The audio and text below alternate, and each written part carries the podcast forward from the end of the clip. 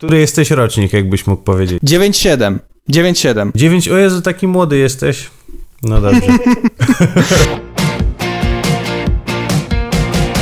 Witam Was bardzo gorąco po 8-miesięcznej przerwie. Nazywam się Patryk Wojtanowicz. No i cóż, wracamy do Shining Beats Podcast. To jest trzeci odcinek i tym razem e, realizujemy go e, zdalnie. Troszeczkę nad tym ubolewam, ale czasy są takie, a nie inne. Dlatego prosto z Poznania Mateusz Dziewulski, a.k.a. Skytech. Witam Cię. Dobry wieczór, Patryku. Mam nadzieję, że pozostajesz w bardzo dobrym zdrowiu. W ogóle, jak u ciebie zdrówko, skoro jesteśmy przy tym temacie? Dobrze, lepiej, już lepiej. Myślę, że, że e, teraz, że tak powiem, idzie ku lepszemu, jak to Franciszek Smuda mm. mówił.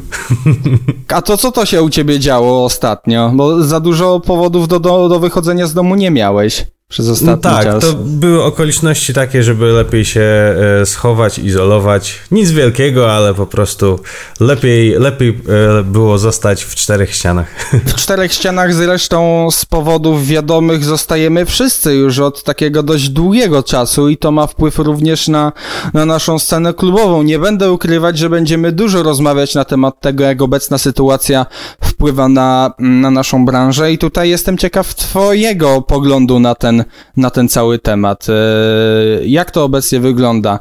Gdzie jest Skytech w tej całej covidowej sytuacji? No trzeba przyznać, że zrobił się zamęt, którego chyba nikt nie miał prawa się spodziewać. Eee Wiesz, z mojej strony jest tak, że ja troszeczkę e, wykorzystuję ten czas na, na pracę nad sobą. E, jakoś szczególnie nie, e, nie przychodzę z nowymi rzeczami, bo też odnoszę wrażenie, że jest to moment, e, w którym scena troszeczkę odpoczywa. E, nie chcę, e, że tak powiem, ja jestem gościem, który, który robi imprezową raczej muzykę. E, a skoro nie ma imprez, to myślę, że jest to dobry moment, żeby troszeczkę e, może poszukać jakiegoś nowego brzmienia, e, troszeczkę się, że tak powiem, zastanowić co dalej i nie, na, nie wrzucać na siłę jakichś kolejnych bangerów, skoro i tak ludzie Mam wrażenie, ja sam zresztą to czuję, sam nie słucham zbyt często tego typu muzyki aktualnie, bo no, głowa jest troszeczkę w innym miejscu. No tak, coś w tym jest. I wydaje mi się, że tutaj możemy powiedzieć o Twoim troszeczkę innym spojrzeniu na muzykę, ponieważ nie wiem, czy wiecie, ale bodaj w, na, na końcu maja albo na początku czerwca e, w internecie pojawiła się taka fajna piosenka, taki e, Twój e, fajny remix do utworu Melodia e, od pani Sanach pod innym aliasem. E, nie, nie sądziłem, że odnotowałeś gdzieś e, to wydarzenie. Muszę przyznać, że to był raczej taki eksperyment. Jeden z moich znajomych e, powiedział mi o tym, że jest jakiś konkurs na remix i mówi, stary, zrób, zrób remix. E, więc usiadłem i zrobiłem, ale to była totalna jakby, totalnie eksperymentatorska sprawa. Zajęło mi to, nie wiem, jakieś może 2-3 godzinki. Też nie chciałem, mając swoje obowiązki, poświęcać jakoś dużo czasu na to, ale wyszło dosyć zabawnie bym powiedział. E, można poczuć klimat lat 80. E, chętnie zbiłbym w tej sytuacji pionę z, z kombi albo z papadensem.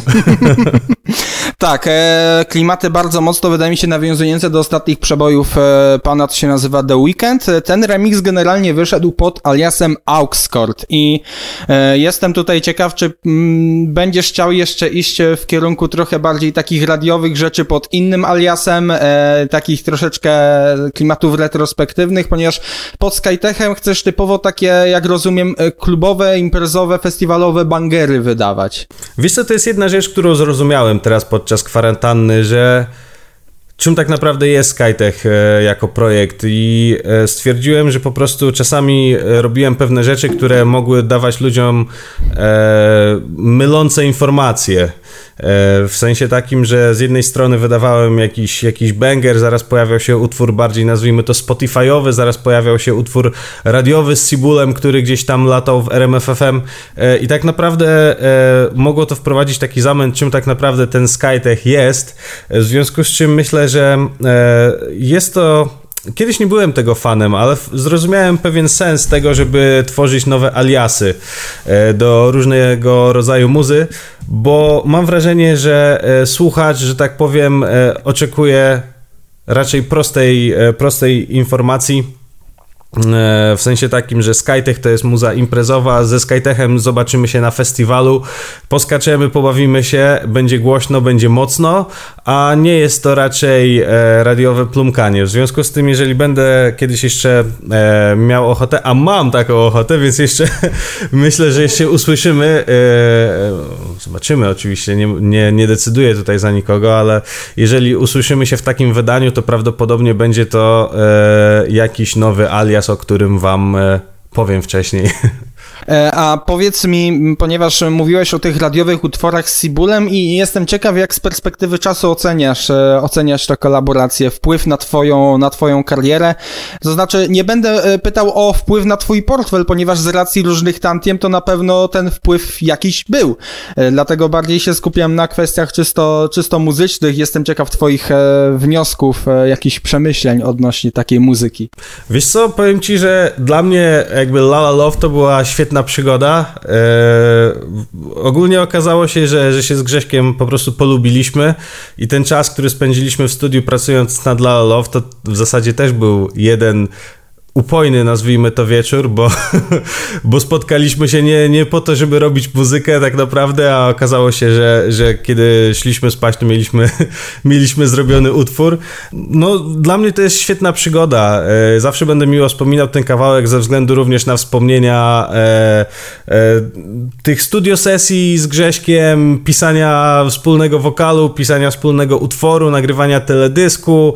E, po prostu było fajnie, to była fajna, fajna przygoda, e, a jeszcze fajniejszą przygodą było to, gdy, nie wiem, byliśmy udzielić wywiadu w Radiu Z i tak dalej, czyli w miejscu, którym no, jest w jakiś sposób kultowe, usłyszeć swój kawałek na antenie RMF FM i to jeszcze w, e, gdzieś tam wysoko w rotacji, no to jest coś, co naprawdę warto na swojej checkliście odnotować i, i ja się bardzo jakby cieszę, że mogę się w tym momencie już tym pochwalić. E, nie robię z tego nie wiadomo jak wielkiego sukcesu, bo to tylko jeden kawałek.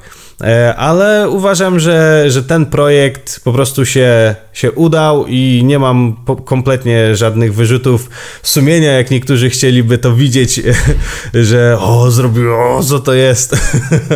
No tak, e, nie masz pod tym względem wyrzutów sumienia i uważasz to za sukces, jeżeli chodzi o samą muzykę, jeżeli chodzi o finanse, jak to teraz wygląda w stacjach radiowych? E, dużo można skosić?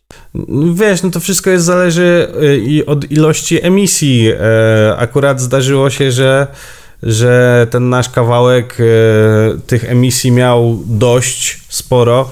E, w związku z tym jestem też. Wy tam byliście bodaj w top 5 Airplaya w pewnym momencie. Tak, Chyba. nawet w pewnym momencie, w którymś tygodniu był na trzecim miejscu, e, więc no oczywiście jest to fajny, fajny prezent, który sami sobie, że tak powiem, zrobiliśmy e, w taki sposób myślę, że jeżeli tak ma wyglądać, e, tak mają wyglądać tego rodzaju przygody, to tylko życzyć sobie e, i nie tylko sobie e, tego rodzaju przygód.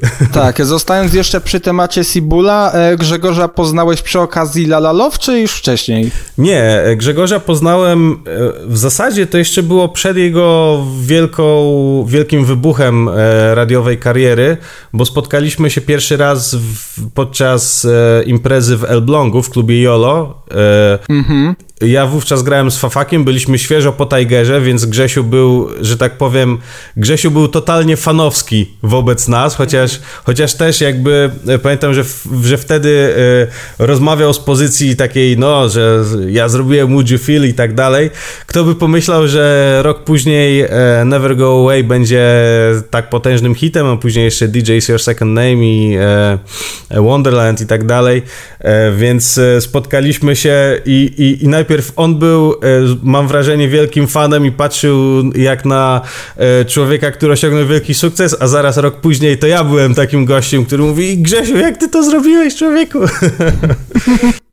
No widzisz, i fajnie się też e, otaczać takimi osobami. Natomiast powiedziałeś o numerze Tiger. To był no, jeden z twoich największych hitów wraz z Fafakiem i wraz z wraz z Rehabem. E, I tutaj jestem ciekaw w temacie twojej współpracy z Rehabem. Jak to wszystko się zaczęło? Jak do tego doszło, że zrobiliście tak duży przebój, który cały czas gdzieś tam się kręci, można gdzieś go tam w setach usłyszeć i na Spotify'u też nie najgorsze wyniki robi. No, to już ja w ogóle dla mnie to jest już zaczyna być taka e, podróż sentymentalna ten kawałek, bo to już jest 5 lat e, w tej chwili ponad. Tak. E, no, już nie mówiąc o, o, momencie, że tak powiem, kiedy pracowaliśmy nad tym kawałkiem, tylko już jakby od wydania, e, a też jeszcze tam jakiś czas to trwało, zanim, zanim ten utwór skończyliśmy. To się zaczęło generalnie w taki sposób, że w zasadzie w tej chwili dokładnie nie pamiętam, ale w zasadzie się, w zasadzie było jakoś tak, że e, Fafak znał Fabiana Lensena i Fabian wówczas e, współpracował z Rehabem e, i zaproponował nam, że słuchajcie chłopaki, jak macie jakieś fajne dema, e, to ja tutaj się znam z Rehabem, ja chętnie wam podrzucę coś, jeżeli, mm. jeżeli macie coś, coś dobrego, ale wyślijcie naprawdę najlepsze, co macie, bo Rehab jest bardzo picky, więc no, przepraszam, to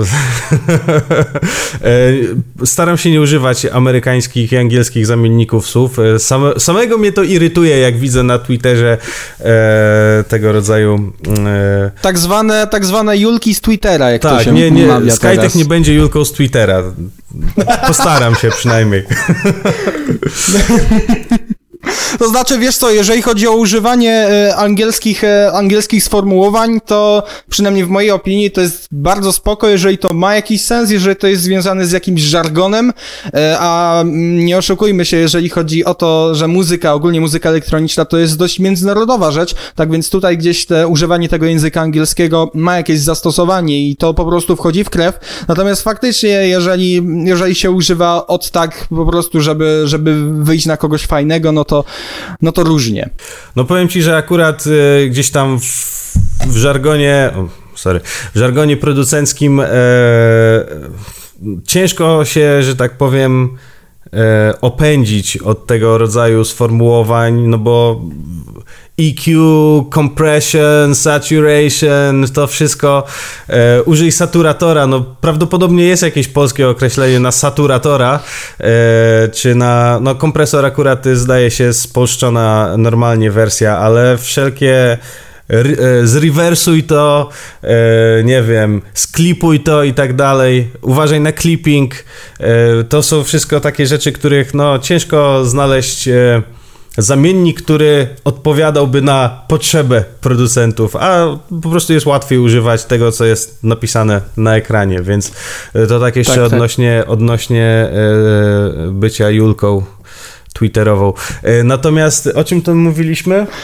O Tigerze. Wysłaliśmy to demo. Eee, Rehab. W zasadzie wysłaliśmy mu chyba dwa. Pierwsze mu się nie spodobało. Eee, drugie, drugie to był właśnie Tiger. Pamiętam, że. Eee, jakby pracowaliśmy nad, nad tymi, nad paczką demek dla niego właśnie u Matiego, jak jeszcze mieszkał w Warszawie.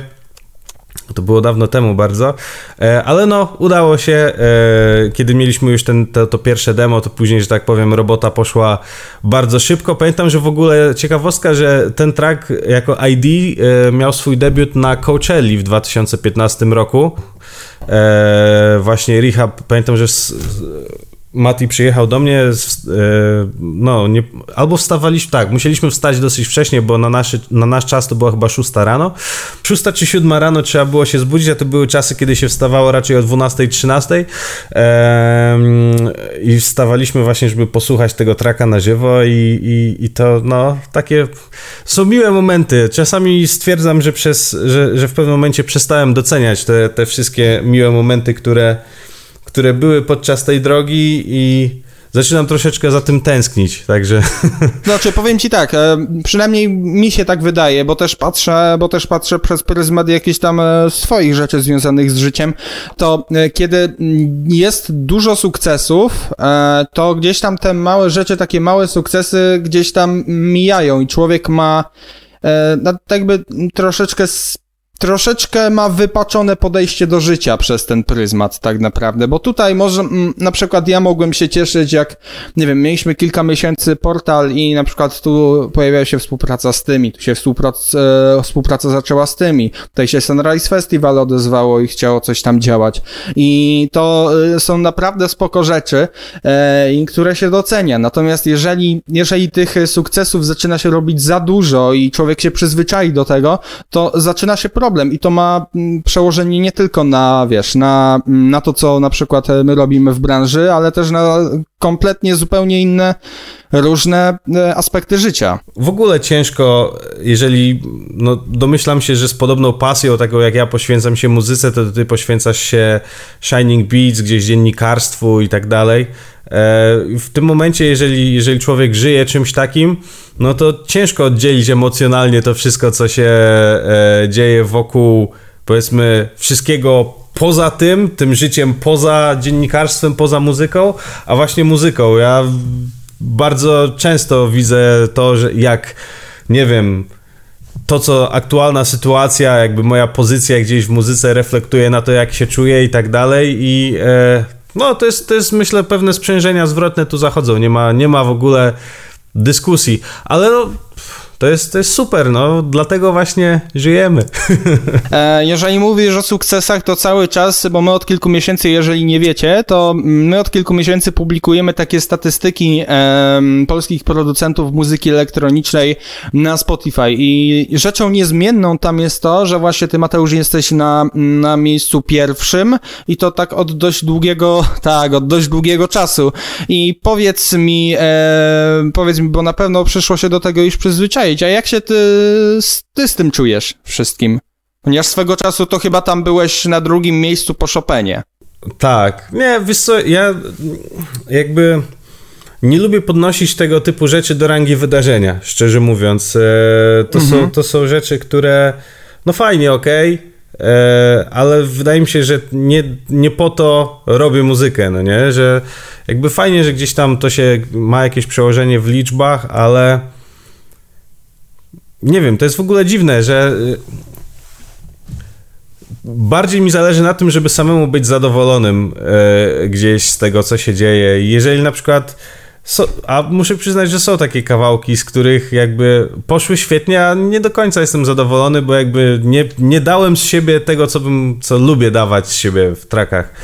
E, I one fajnie no, robi cyfry i tak dalej, ale no to nie jest aż tak aż tak istotne w dłuższym okresie, bo te cyfry za, wiesz, teraz mówi, mówisz o roku 2018, jakie to ma znaczenie w tych czasach? W 2020 tak, tak. E, jest, e, że tak powiem, na Spotify, jeśli chodzi o elektronikę, że tak powiem, mamy porządny zjazd. Ja sam praktycznie połowę tej słuchalności miesięcznej, bo tam miałem, oscylowało to wokół 2 milionów, teraz oscyluje wokół miliona miesięcznie. E, sam straciłem połowę, gdzieś przeszło to na, na hip-hop. Jakie to w tej chwili ma znaczenie, że tam w 2018 roku e, był, był jakiś taki sukces. Przynajmniej dla mnie nie ma. Jeżeli, jeżeli ktoś ceni tego typu statystyki, zajmuje się tym, to, to oczywiście fajnie, ale myślę, że podobnie jest e, nie wiem, z, z, innymi gałęziami. Teraz akurat e, przeszedł mi do głowy na przykład Robert Lewandowski. Na przykład, jakie to ma znaczenie, że on w, dwa sezony temu zdobył tam powiedzmy 52 gole, a w jeszcze poprzednim 46. Tak naprawdę nie ma to wielkiego znaczenia, bo liczy się bardziej tu i teraz to, jak on się spełnia, czy jest w odpowiednim klubie, czy w reprezentacji jest tak, jak powinno być, czy nie jest, a jak dobrze wiemy, nie jest tak, jak powinno być. E, więc. E, no, że tak powiem, 53 gole, y, a i tak nie ma żadnej sytuacji y, w meczu z Włochami. Więc, że tak powiem, e, fajnie, ale spokojnie. To wydaje mi się jest dość trzeźwe podejście, bo, e, bo, to, bo to też jest tak, do kwestii związanych ze Spotify'em też, też wydaje mi się, że trzeba mieć jakiś dystans. My wrzucamy statystyki dotyczące Spotify'a, ponieważ też pod tym względem jestem troszkę takim freakiem, e, freakiem statystycznym, tak więc mnie to jara, tak? Zaglądam sobie raz na czas, jak tam wygląda sytuacja, natomiast tutaj warto podkreślić też coś takiego i dobrze, żeby ludzie e, też e, mieli tego świadomość, że na przykład Spotify to nie wszystko, na przykład nie można powiedzieć powiedzmy stawiać na jednego konia, bo potem, bo potem może być, może być z tym różnie. Przynajmniej tak mi się wydaje. Wiesz co, ja w ogóle myślę, że w tym momencie tak wiele jest różnych rodzaju, różnego rodzaju sposobów na boostowanie ilości, że ta ilość ma coraz mniejsze znaczenie, w sensie takim, że możesz sobie kupić te odsłuchy i tak dalej. I tak naprawdę, wiesz, masz dwa kawałki, z których jeden e, ma 3 miliony odsłuchów, drugi ma 3 miliony odsłuchów, ale jeden ma wszystkie kupione i tak naprawdę są to jakieś, jakieś nie wiem, telefony podłączone gdzieś do, e, do, do jakiegoś przedłużacza, które się cały czas ładują i grają ten numer w kółko, a masz 3 miliony, gdzie faktycznie realni ludzie, prawdziwi z krwi i kości przesłuchali ten, ten kawałek. E, ja, że tak powiem, jeżeli to jest prawda, to wolę mieć 100 tysięcy zamiast 2 milionów, ale jeżeli, żeby to było realne 100 tysięcy prawdziwych ludzi, prawdziwych fanów, którzy przesłuchali ten kawałek, im się podoba lub nie i zapiszą go do swojej playlisty i będą mnie obserwować. Myślę, że e, fetysz liczb trzeba powoli jakby tak samo przecież widzimy co się dzieje, jaka jest oglądalność niektórych rzeczy na YouTubie i widzimy, że wcale ilość wyświetleń, kontentu na YouTubie y, nie ma dużego, y, du, dużego, dużej korelacji z wartością tego kontentu, no nie? W sensie, jeżeli Najman puści bąka na antenie, to to będzie miało jakieś kosmiczne w ogóle e, ilości wyświetleń, a że tak powiem w tym samym czasie jakiś, nie wiem, jakieś wartościowe rzeczy jakaś e, fajna historia, fajny przekaz, będzie miało tych, e, tych e, wyświetleń mniej, ale prawdopodobnie, chociaż może to jest tylko moja opinia, kontrowersyjna, bo ostatnio stałem się kontrowersyjny. Tak. Coś mi się wydaje, że Najman puszczający bąka na wizji nie będzie miał w twoim życiu takiej wartości, jak tamta dana historia, czy, czy coś fajnego po prostu. No, dość kontrowersyjna opinia, aczkolwiek tutaj muszę powiedzieć, że się z tym zgodzę i muszę ci powiedzieć, że troszeczkę czytasz mi w myślach, ponieważ następne pytanie, które miałem ci zadać, to to, czy wolałbyś mieć, e, nie wiem, 3 albo 5 milionów e, miesięcznie słuchaczy na Spotify, e, ale takich trochę rozmytych, czy 100 tysięcy, ale takich bardziej e, skupionych w takiej kupie i tak i takich tworzących taką, powiedzmy, bardziej realną społeczność. Skłaniam się ku tej, ku tej drugiej stronie, e, bo wydaje mi się, że, że pogoń za takimi błyskotkami to jest, to jest coś takiego. To się w ogóle niedługo przestanie być modne i wszyscy w ogóle będą się zastanawiać, po co to robili. Natomiast e, ciekawą rzecz ostatnio napisał mój kolega. Mam kolegę z liceum, który jest w ogóle mogę zareklamować Michał Sikorski na YouTubie. Fajne, fajne rzeczy robi, wartościowe, życiowe. Można się coś tam dowiedzieć. E, trochę o podróżach, trochę o, e, o przemyśleniach. W każdym razie on napisał ciekawą rzecz, że on zamiast 100 tysięcy odtworzeń filmu na YouTubie woli tysiąc sprzedanych egzemplarzy książki, że to ma większą wartość. No i to tak jest po prostu, nie? No bo no już pomijając to, że wideo na YouTubie możesz obejrzeć do zupy, E, a książkę, no że tak powiem, musisz przysiąść i ją przeczytać, także idźmy w jakość. Tak, tak, też tego na przykład trochę nie ogarniam i takich rzeczy jest w naszej branży sporo, że, że jest takie jaranie się takimi wielkimi liczbami, że super, że robimy takie liczby, tylko wiesz, e, jeżeli te liczby robi się, bo coś się wrzuciło, a one się nabijają tym, że na przykład ktoś sobie przewinie na, na smartfonie, zobaczy 2-3 sekundy i tyle, no to tak naprawdę to, to, to jakie, jaką wartość mają te liczby też. Oczywiście są ludzie, którzy robią coś fajnego i mają świetne liczby, w sensie takim, że ja też jak w 2013 roku widziałem, jak rozpędza się Animals na YouTubie, e, myślałem o tym, e, że kurde, chciałbym mieć kawałek, który się tak rozpędzi na YouTubie, ale przecież to nie o to chodzi, żeby wydać, nie wiem, położyć ileś tam set czy tysięcy dolarów i, i po prostu kupić te wyświetlenia, no bo to nie pomoże temu kawałkowi, ok, może pokaże się tam gdzieś w algorytmach i tak dalej, ale to i tak jest takie po prostu droga na, na skróty. Myślę, że yy, rozsądny człowiek raczej nie, nie powinien się tego typu rzeczami zajmować. Zdecydowanie, zdecydowanie. Mówiliśmy wcześniej o rehabie i e, jeżeli mam być szczery, wydaje mi się, że taką, m, mm, taką obserwację ma też wielu innych twoich słuchaczy. To dość cicho, jeżeli chodzi o jakieś, e, jakieś kolaby e, twojej właśnie rehaba. Kiedyś było tego trochę więcej, teraz troszeczkę chyba przystopowaliście. Co się stało? Czasu brakuje, czy... Nie, nie. Złe czasy. Wiesz co, wydaje mi się, że to był pewien taki etap.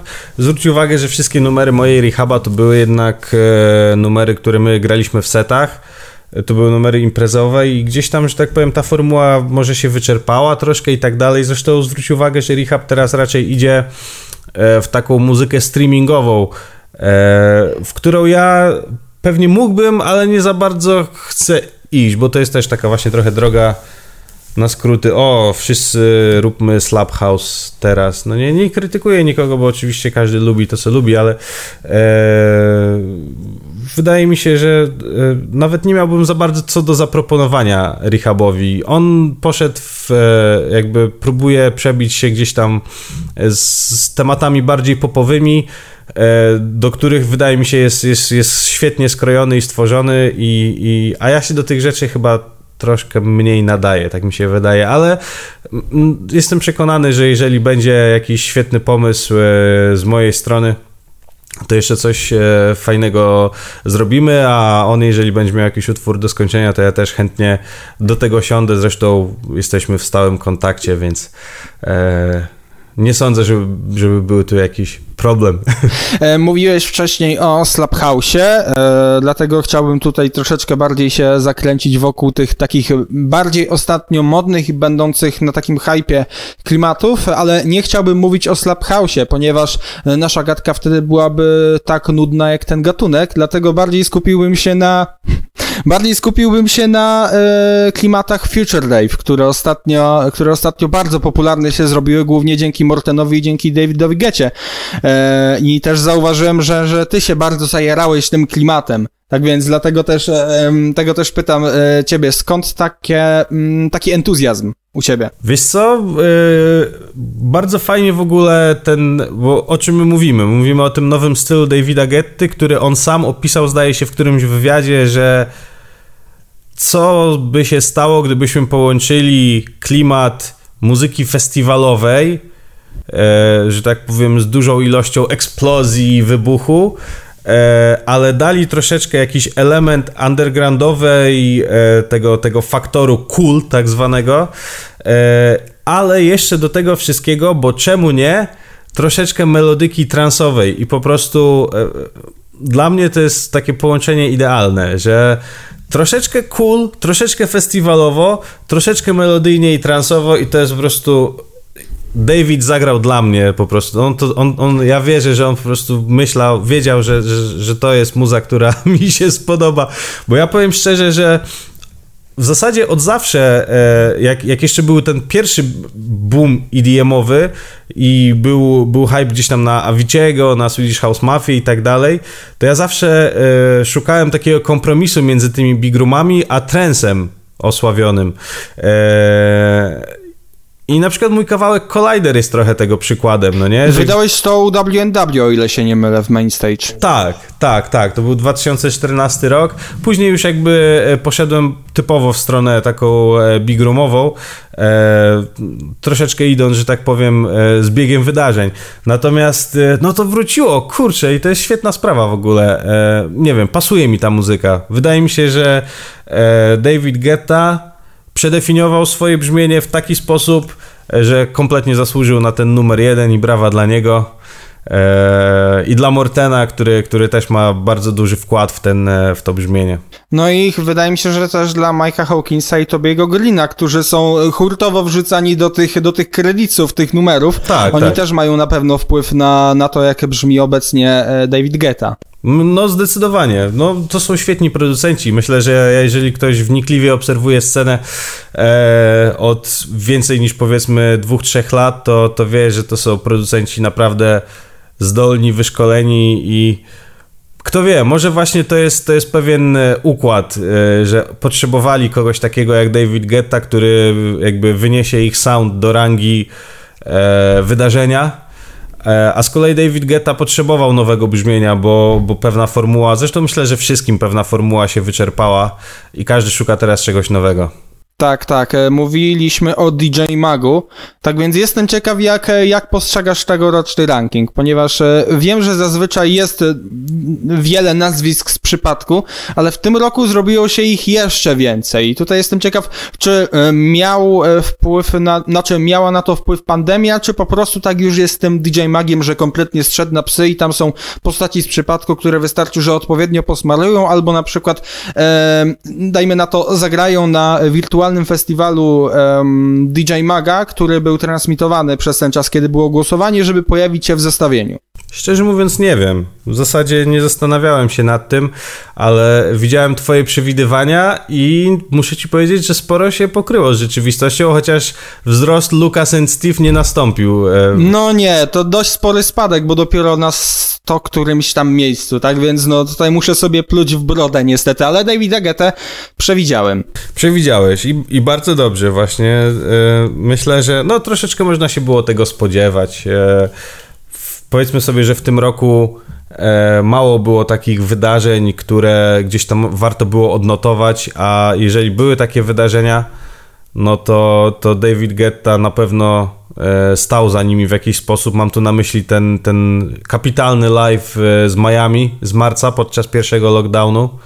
To było, wydaje mi się, bardzo, bardzo mocne. Tam były dwa live streamy w ogóle. Czekaj, to chyba było Miami i chyba jeszcze Now Nowy Jork? Tak. Tak. Kurczę, i wydaje mi się, że no, no ciężko było oczekiwać, że jakby ludzie tego nie odnotują. Widać też, że David Guetta troszeczkę zależało mu na tym. e, I no i dobrze, brawa dla niego. Powtarzam jeszcze raz. Natomiast inne wyniki, jedne bardziej sprawiedliwe, jedne mniej sprawiedliwe. Każdy, myślę, ma, ma swój. E, swoje własne preferencje. Ja na przykład, no, jest co najmniej 30 nazwisk, które widziałbym w tym top 100, których w ogóle nie ma nawet chyba w 150. Nie wiem, czy Mala w ogóle jest 150, a to jest gościu... E, Mali nie ma. Te, taki Chami załapał się dopiero na 140 którejś, co jest na przykład dla mnie czymś kompletnie kuriozalnym. Dla mnie to jest, przepraszam bardzo, ale żart, jeżeli są inni DJ-e, a nie ma na przykład Mali, bo dla mnie Mala to jest, myślę, że w tej chwili Moje osobiste top 20 myślę na pewno. E, dałbym go. Podoba mi się to, co gościu robi. Nie jest to może do końca moja muza, ale po prostu no, doceniam, doceniam to, w jaki sposób e, rozwija ten swój, swój profil. W zasadzie już teraz nie pamiętam. Nie, nie przywiązywałem jakiejś kosmicznej wagi do tego, kto tam, które miejsce zajął. E, pogratulowałem wszystkim znajomym, którzy, e, którzy dobrze sobie poradzili między innymi Rehab, który jest cały czas na fali wznoszącej. Kolejne oczko do góry. Mam nadzieję, że tak będzie się trzymało. Kibicuję, kibicuję mu od, od kiedy się znamy. E, no i tyle. Myślę, że e, dla, dla kogo to ma znaczenie, dlatego to ma znaczenie a my się, my możemy nad tym już przejść do porządku dziennego i czekamy na 2021. Nie bez kozery, na przykład my mieliśmy stream, który się nazywał um, przeglądamy wyni oglądamy wyniki DJ Maga, bo nie stać nas na dopalacze. Naprawdę y, ten rok, przynajmniej według mnie, przebił zupełnie granice takiego właśnie, tak jak powiedziałeś, żartu, jeżeli chodzi o, o, ten, o ten ranking, no ale no Mm, jeżeli wierzyć e, temu, co podali organizatorzy, niemalże wyrównany rekord e, liczby głosów z ubiegłego roku, tak więc na to wygląda, kogoś jeszcze to interesuje. Być może. Znaczy, jedno, co, co widzę, że coraz wyżej są jakby nie tyle przypadkowe, ale dosyć zaskakujące nazwiska. Jakby coraz wyżej w tym rankingu są, ale myślę, że gdzieś tam powiedzmy, nie wiem, ta pierwsza dwudziestka, trzydziestka to jest, to jest faktycznie dosyć, no w sensie takim popularnościowo na pewno jest to dosyć, dosyć dobrze odwzorowane. W sensie nie ujmując nic nikomu, nawet Dimitri Vegas i Like Mike, no dużo hejtu zawsze się wylewa na tych gości, ale oni naprawdę mają dużo fanów i, i, zresztą robią kosmiczne show, więc na przykład ja nigdy nie jestem jakoś zaskoczony ich e, dobrą pozycją, czy jak wygrywają, czy jak są w tym roku na drugim miejscu zdaje się, tak? Tak, na drugim miejscu, na trzecim był Martin Garrix. W ogóle na piątym Alok byłem w szoku. No tak, ale no Brazylia, 200 milionów ludzi, no nie? No tak, no tak. On tam jest niemalże gwiazdą pop. Zresztą pamiętam, jak od nas e, Maciek e, robił wywiad z Alokiem podczas Sunrise Festival i tam faktycznie była taka kwestia, że Alok powiedział, że e, on się, tak by, e, on się cieszy z tego, że może sobie tutaj chodzić normalnie po terenie imprezy i bo, bo w Brazylii nie mógłby pół kroku zrobić. Tak więc no, niech to będzie jakieś, e, jakimś wyznacznikiem. No, dokładnie, dokładnie. On jest takim, no, zdaje się, y, ma taki status dosyć celebrycki, nawet bym powiedział, w Brazylii, więc no, fajnie. Jest w ogóle ciekawostka, że. E, bo moja pierwsza styczność z brazylijskim e, house'em była w 2016 roku. Grałem Sylwestra w Brazylii. E, mhm. w klubie Sirena w Maresias, takim kurorcie nad, e, nad Oceanem Atlantyckim.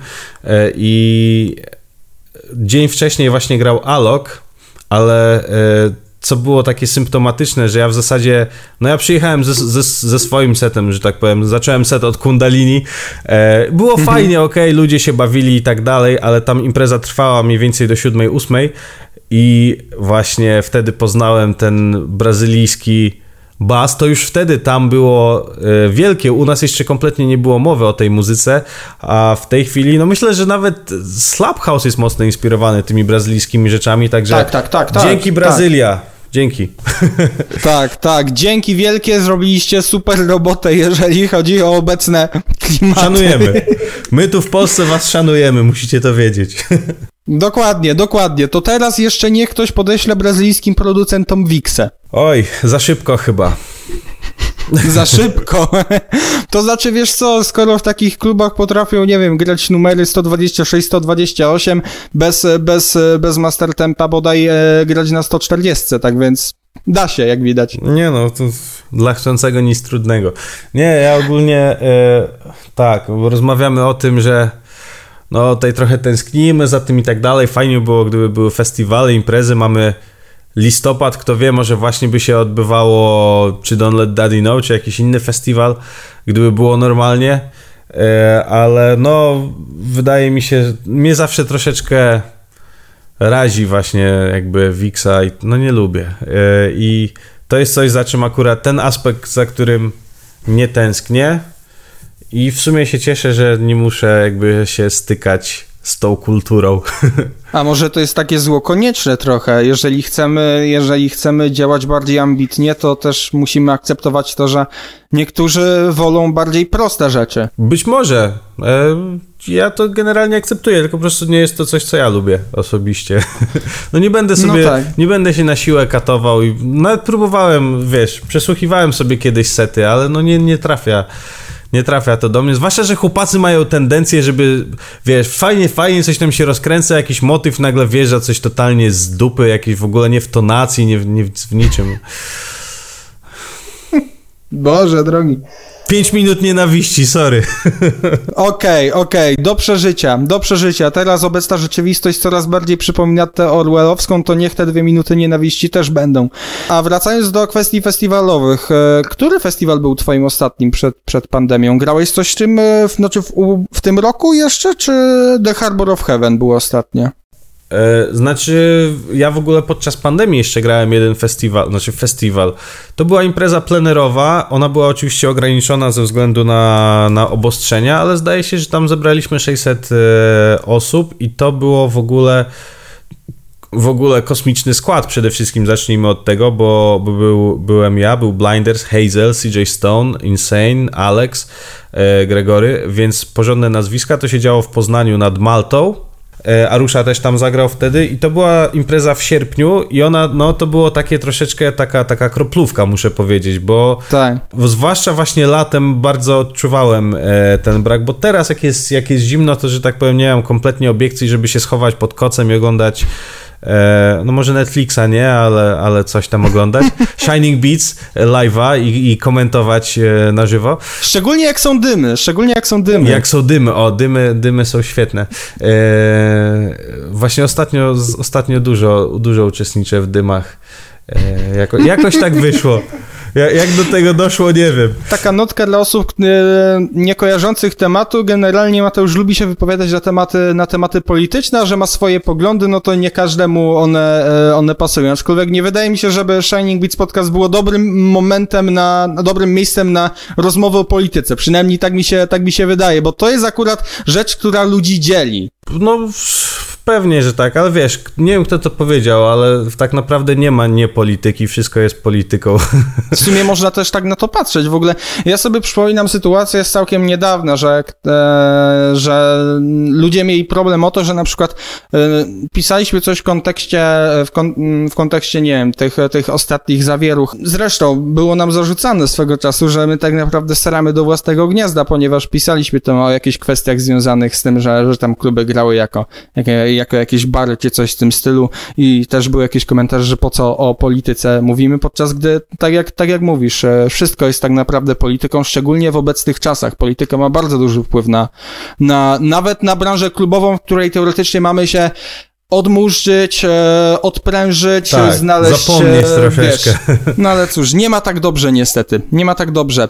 E, a powiedz mi taką rzecz, e, bo mówiłeś, że e, pod Skytechem raczej nie będziesz wydawał na razie numerów takich, e, znaczy nie będziesz za dużo wydawał z racji tego, że imprez nie ma i nie ma jak zaprezentować tych klubowych bangerów, jeżeli chodzi o ten projekt Auxcord, to e, jak rozumiem, będziesz coś tutaj robił, bo chyba tego nie wykrystalizowaliśmy. Czy to taki jeden strzał był? Nie wiem. Na razie jeden strzał, natomiast jest to pewne, że tak powiem, podanie otwierające drogę do bramki, więc, że tak powiem, może jeszcze coś tutaj strzelimy. Że tak w no tematyce. Cały, sorry, że jestem w tematyce piłkarskiej, ale po prostu no, jesteśmy w, podczas zgrupowania, e, a że. No, nieważne. W każdym razie tak, myślę, że jeszcze coś e, auxkordowego się e, pojawi i to właśnie może być taki mój e, projekt do dziwnych rzeczy. Sumie też, w sumie też spoko opcja, tego też, e, tego też trochę brakuje, zawsze fajnie, jeżeli coś się, e, coś się dzieje. E, podczas naszego wywiadu na, mm, nie, to nie, to nie był jeszcze Heartbeat Festival, tylko Beach Party Trzcianka, czytałem ci hejty. Trudno mi pojąć, że Skytechowi aż tak się poprzestawiało muzycznie. Padaka na całego, szkoda czasu na takie gnioty. Prostacka upaninka wymyślona w minutę i czym tu się jerać, trak dla gimbazy albo dla słabo e, słyszących z pewnego forum dotyczące tego, że e, już, już Dawaj. nie, nie, nie, chciałem cię, nie, nie, nie, tym razem nie, to by było zbyt, e, zbyt monotonne, poza tym sam sobie możesz yy, poszukać na jakichś forach w internecie, to by było zbyt pójście na łatwiznę, natomiast chciałem ciebie Wiesz zapytać, co? Ostatnio, przepraszam, tego... że ci przerwę, ale ostatnio, okay, okay, okay. ostatnio jedna, jedna, jedna rzecz mnie przerosła, bo yy, nie wiem, czy na pewno pamiętasz portal ftb.pl, wrzucił mój kawałek tak. Czyli no taki mój, że tak powiem, top, jeśli chodzi o trensy e, i było zadane pytanie, e, zalotnie, zresztą tak jak FTB najczęściej to robi, e, jak myślicie, co tam teraz u Mateusza, no nie? I widziałem, że jest 15 komentarzy i po prostu Pan Bóg mnie ustrzegł, żeby przypadkiem tego nie otworzyć, bo prawdopodobnie, prawdopodobnie by się wyżygało na mnie jakieś po prostu 100 litrów e, ostrego jadu. No ale, e, że tak powiem, też to przecież e, rozumiem. E. No tak, a skoro przy temacie trensu, bo do tego chciałem też dąż e, dążyć i zadać Ci pytanie takie, czy jest w Tobie jeszcze trochę tego trensiarza? Jest, bardzo dużo. Właśnie powiem Ci szczerze, że... No, David Guetta i, i, i to w jaki sposób on przemyca vibe trensowy w swoich setach bardzo mi się spodobało. Świetny był w ogóle set na Top 100 DJs Armina, który e, dał troszeczkę trensu, troszeczkę klasycznego trensu, troszeczkę techno, połączył to ze sobą. Ekstra, naprawdę spoko. E, I wiesz co, ja ci powiem, że ja mam wrażenie, że ja przede wszystkim gdzieś tam jestem tręsiarzem. Mimo, że robię różne rzeczy, ale jeśli chodzi o melodykę i tak dalej, to ja jestem bardzo mocno trensowy, ale jako, że lubię sobie utrudniać życie, to właśnie nie robię trensu, tylko próbuję, że tak powiem, pewne rzeczy e, tłumaczyć na, na, na inne brzmienia i szukać, bo w pewnym momencie właśnie e, miałem takie odczucie właśnie około tego 2012-2013 roku, że, że jakby ten trend jest taki mocno osłuchany dla mnie i że ja osobiście nie jestem w stanie nic ciekawego zaproponować, dlatego zacząłem kombinować. I tak kombinuję do, do dzisiaj. Natomiast niejednokrotnie, czy nawet jak, jak z Sibulem gadałem i tak dalej to, e, i wysłałem mu jakieś dema, nie wiem, to jest na przykład jakiś dopiero sam zaczątek i tak dalej, mówi, e, ty to jesteś, ty to jesteś tręsiarz, no nie? więc, więc myślę, że w pewnym sensie jestem tręsiarzem, na pewno nie jestem jakimś takim hardcore fanem e, Armina, jak byłem, kiedy miałem 15 lat, e, chociaż wtedy byłem głównie fanem Paula Van Dyka i Markusa Schulza przede wszystkim. E, ale myślę, że cały czas jestem, jestem tręsiarzem. A co wobec tym tręsie ci się podoba najbardziej? Masz jakichś ulubionych artystów z tego, z tej obecnej fali, jakby to powiedzieć? I właśnie wiesz co, tutaj się pojawia ten problem, że w zasadzie ten trend, tak jak ja go zostawiłem w 2013 roku, mam wrażenie, że on taki troszeczkę pozostał. I jak słucham poszczególnych utworów, to ciężko mi jest znaleźć coś fajnego. A co ciekawe, właśnie na przykład, jak e, słyszałem gdzieś, e, jak, jak, słyszę set, to podoba mi się set, jakby cały ten aspekt teatralny tego, jak to jest zbudowane. Na przykład e, w zeszłym roku na Polish DJ Start grał Matt e, Bukowski.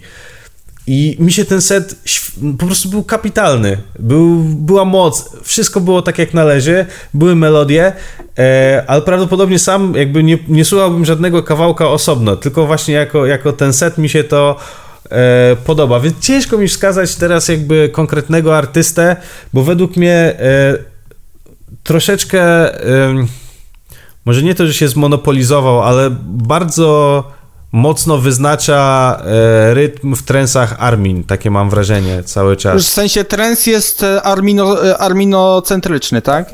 Dosyć mocno mam wrażenie, chociaż ma oczywiście wiele twarzy, jest dużo tam świetnych e, artystów, ale jakby nie wchodząc już w ten taki klasyczny trens, jakiś, jakieś takie uplifty, czy, czy ten taki brytyjski kiedyś jak robili, nie wiem, John Askew, John O'Callaghan i tak dalej, e, to wydaje mi się, że, że jeżeli chodzi o, o, o takie trensy, które mi się podobają, to, to w zasadzie słuchanie Armina mi wystarczy i, ja, i to, co on zaproponuje w, w Asocie, no nie? Tak to widzę. Tak, tak. Tak, tak. Ale w e, ogóle jeszcze, przepraszam, jedną rzecz dopowiem, okay, okay. bo e, w Top 100 Alternative DJ wygrała Charlotte DeVite, no nie? I ona zdaje tak, się w tak. swoim secie zagrała dwa E, trensowe klasyki. Znaczy, ja uważam je za trensowe klasyki i myślę, że ogólnie ludzie ze sceny trensowej uważają je za trensowe klasyki, czyli Age of Love i e, Push Universal, bardziej Push Universal Nation. To jest taki naprawdę wielki klasyk e, trensów i powiem Ci szczerze, że większą przyjemność czerpię właśnie z odświeżania takich kawałków z 2000, wiesz, od powiedzmy 2000 do 2005 niż, niż słuchania nowych rzeczy, chociaż widzę, że, że e, obecnie się mocno nawiązuje do tych właśnie starych brzmień, co kiedyś były. Ogólnie strasznie tych klimatów retro się sporo zrobiło, e, ale e, ja chciałbym się teraz skupić na temacie Polish DJs Chart, ponieważ pojawiłeś się rok temu na finale i nawet wygrałeś ten ranking i pytanie, gdzie teraz jest ta statuetka za pierwsze miejsce? Gdzie ona stoi tudzież leży? Zrobiłem, mam taki, w salonie moim mam taką, taką zabudowę, drewnianą, jest barek, w pośrodku jest telewizor i są dwie półeczki ze zdjęciami. Są e, puchary mojej żony taneczne i pośród tych pucharów dumnie stoi e, statuetka właśnie z Polish DJ Chart, także dziękuję jeszcze raz serdecznie wszystkim za głosy i bardzo miłe to było, kurczę, muszę wam powiedzieć. To było naprawdę super ekstra. I nie spodziewałem się, na, naprawdę się nie spodziewałem. E, jakby dużo osób mi zarzuca, o, że no, bo zachęciłeś ludzi do głosowania, to na ciebie głosowali. No ale można zachęcać i wcale nie zagłosują, a zwłaszcza, że e, gdzieś tam powiedzmy konkurencja e, była, no, no, przepraszam bardzo, kto tam był w tej dziesiątce i nawet w dwudziestce. Tam byli naprawdę świetni artyści, więc no naprawdę poczułem się bardzo mi mile wyróżniony, zwłaszcza, że ten 2019 rok był mocno przepracowany przeze mnie muzycznie, uważam. Jako, że jesteśmy kilka dni przed e, startem e, kolejnej edycji Polish DJ Chart, to tutaj jestem ciekaw, jak ty e, postrzegasz tego, znaczy tegoroczną polską branżę, w sensie to, co się na niej działo, bo mimo wszystko te imprezy, tych imprez imprez było o wiele mniej, festiwali nie było, klubów nie było, ale jednak ten cały cykl wydawniczy, jakieś streamy, coś tam się działo w tej, w tej, e, w tej naszej polskiej branży EDM i jak ty ten rok potrafiłbyś podsumować? Coś tam się działo, myślę, że ja, jeżeli miałbym w tym momencie głosować, to kierowałbym się raczej pewnym całokształtem e, i też pewnym takim poczuciem, e, na ile mi czegoś, no, pe pewnym brakiem bym się kierował, w sensie zagłosowałbym wyżej na kogoś, kogo brzmienia mi powiedzmy bardziej brakuje, albo którego brzmienie, mimo że nie ma imprez i tak dalej, jakoś przy mnie pozostało, no nie? Więc, e, więc myślę, że trzeba się raczej e, no wiadomo, ciężko nam bazować na jakichś konkretnych wynikach, osiągnięciach, tylko po prostu e, na pewnych wrażeniach i to też jest ok, i to też jest pewna informacja po prostu, na ile to, co udało się zrobić przed tą całą pandemią lub w trakcie, chociaż przy ograniczonych możliwościach, e, przełoży się na gdzieś tam jakąś e, popularność. E, jak wspominasz udział w Drop Challenge? A to było w ogóle kapitalna sprawa.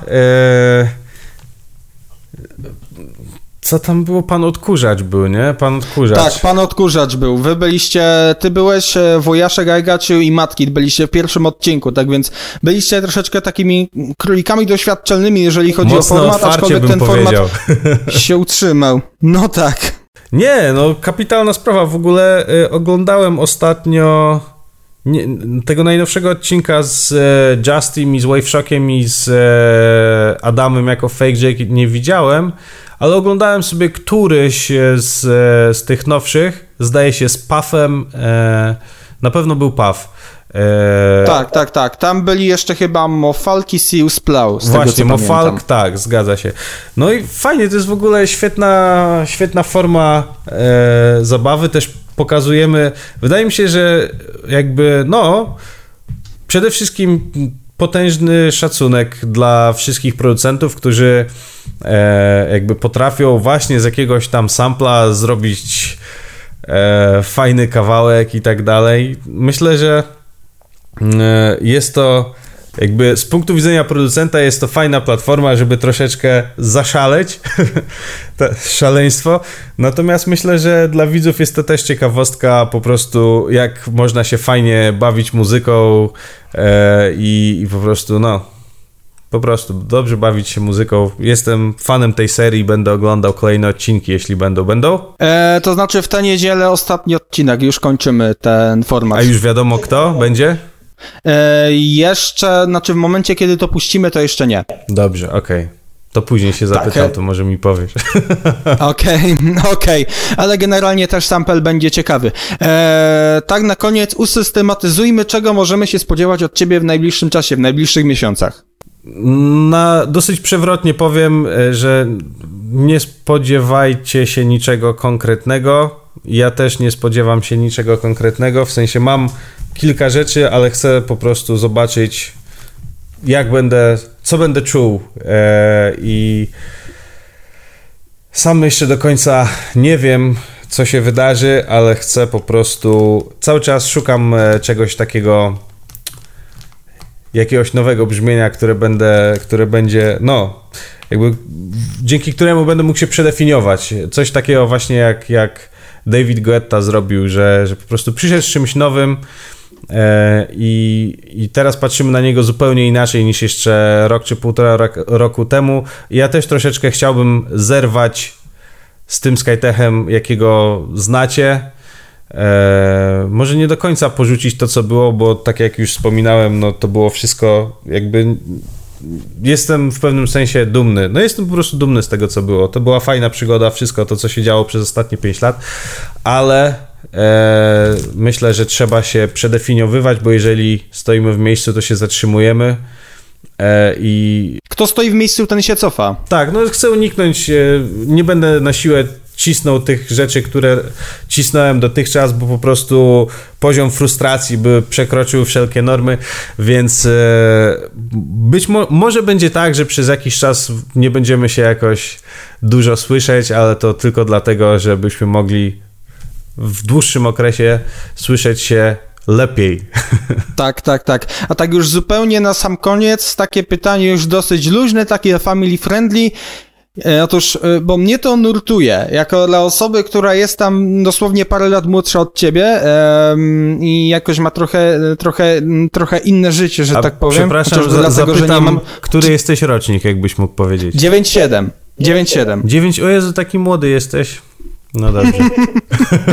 aj tam, aj tam młody. Wiesz co, wiek to tylko liczba, e, nie można się tym aż tak sugerować. Ale e, idąc do sedna, e, bo ja na przykład nie mam dzieci, mnie zastanawia, jak ty godzisz bycie pro, producentem, działanie studiu z wychowywaniem trójki dzieci. Bo to jest, no, no muszę przyznać z mojej perspektywy dość, wydaje mi się, spore wyzwanie. No, oczywiście, że jest to spore wyzwanie, ale to dlatego jest to takie, e, bym powiedział, nadające sens życia i wypełniające. E, gdyby było łatwo, to nie byłoby aż tak, e, no, nie, było, nie miałoby aż takiej wartości. Trzeba ten czas. No pain, no gain. Tak, no zdecydowanie. Trzeba, trzeba ten czas oczywiście mądrze podzielić, ale przede wszystkim e, no, dzieci są fenomenalne. Nie wiem, czy tylko moje. Podejrzewam, że nie tylko moje, chociaż moje są świetne i po prostu z nimi się fajnie spędza czas. E, dzielimy się z żoną e, obowiązkami tak jak się da. Moja żona też ma swoje zajęcia. No, w tej chwili one troszeczkę się ta sytuacja się zmienia. E, w każdym razie prowadzi zajęcia taneczne, między innymi dla dzieci. E, w związku z tym e, przez duże, długie okresy jakby czasu w tygodniu ja też mam okazję z dzieciakami się e, pobawić, poprzebywać z nimi i zrobić coś fajnego. E, no, wszystko kwestia jakiejś tam organizacji. Wszystko jest do zrobienia. E, tak jak zresztą, nie wiem, to chyba, nie wiem czy w wywiadzie z tobą, czy u Tomka wspominałem, że po prostu dzieci trzeba traktować jak ziomeczków i no co, nie chcesz spędzać czasu ze swoimi ziomeczkami? Oczywiście, że chcesz spędzać czas z ziomeczkami. No oczywiście czas, czas nie jest z gumy i po prostu no, nie mogę spędzać tyle czasu w studiu, ale to też jest pewien taki bodziec, żeby być bardziej w tym studiu e, efektywnym e, i mniej marzyć, a więcej e, działać konkretnie. I tego się trzymajmy.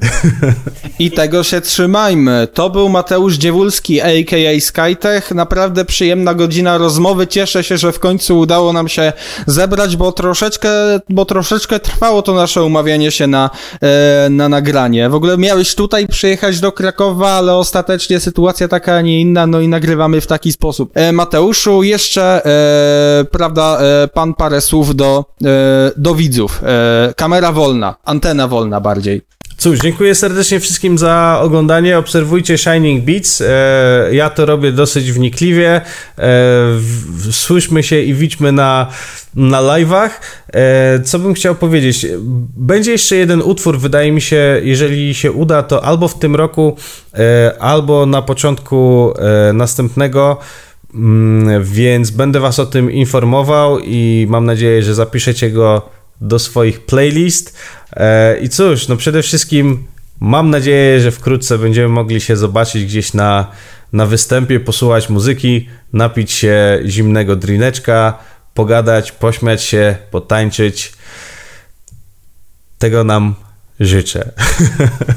I ja się do tego dołączam. Dzięki wielkie Mateuszu, nagramy coś wieszę, jak to zwykle, jak to zwykle mawiam. W każdym razie, chociaż w sumie teraz nagraliśmy, tak więc nagraliśmy coś i tak to wyszło. Zresztą wy mogliście to zobaczyć. Ja wam również bardzo dziękuję, tak samo jak Mateuszowi. Yy, chylę czoła i yy, kłaniam się w pas. Dzięki za to, że wytrzymaliście te około godzinę naszej, naszej tutaj gawędy.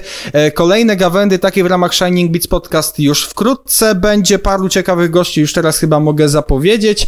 E, a jeżeli ten materiał Wam się podobał, to nie zapomnijcie o zasubskrybowaniu tego kanału. Wiem, Mateusz, że brzmię teraz jak ci rakowi youtuberzy, ale to jest taka podstawa, taki starter pack nie, youtubera. Nie, no to musi być, no, no słuchaj, ja absolutnie rozumiem.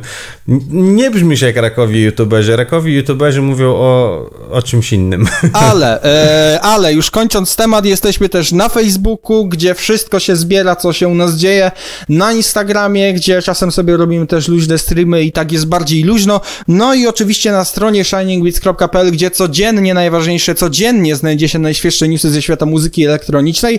No i oczywiście YouTube, e, dlatego mówię o tych subach, że tutaj mimo tego, że powoli kończymy temat Drop Challenge, to też będzie się działo, będą też cotygodniowe streamy, tak więc mam nadzieję, że będziemy na łączach. Trzymam kciuki za następny sezon. Przepraszam, że przeszkadzam, ale mam nadzieję, że będzie jeszcze. A, będę musiał to naprawdę mocno, mocno, mocno przemyśleć. Zobaczymy, co to będzie. W każdym razie moim gościem po ośmiomiesięcznej ponad przerwie tak naprawdę miałem straszny odwyk od, e, od takich rozmów, od takich wywiadów. Muszę się znów przyzwyczaić. Był Mateusz Dziewulski, urodzony, e, wychowujący się w Olsztynie, teraz mieszkający w Poznaniu, ojciec trójki dzieci i przy okazji producent muzyczny, no po prostu człowiek orkiestra Skytech. Dzięki wielkie. Dzięki bardzo, do zobaczyska. Do zobaczenia wszystkim, dzięki za dzisiaj, do usłyszenia, do zobaczenia, jesteśmy na YouTubie i na Spotify, możecie też nas usłyszeć w Shining Beats Podcast. Na razie, cześć!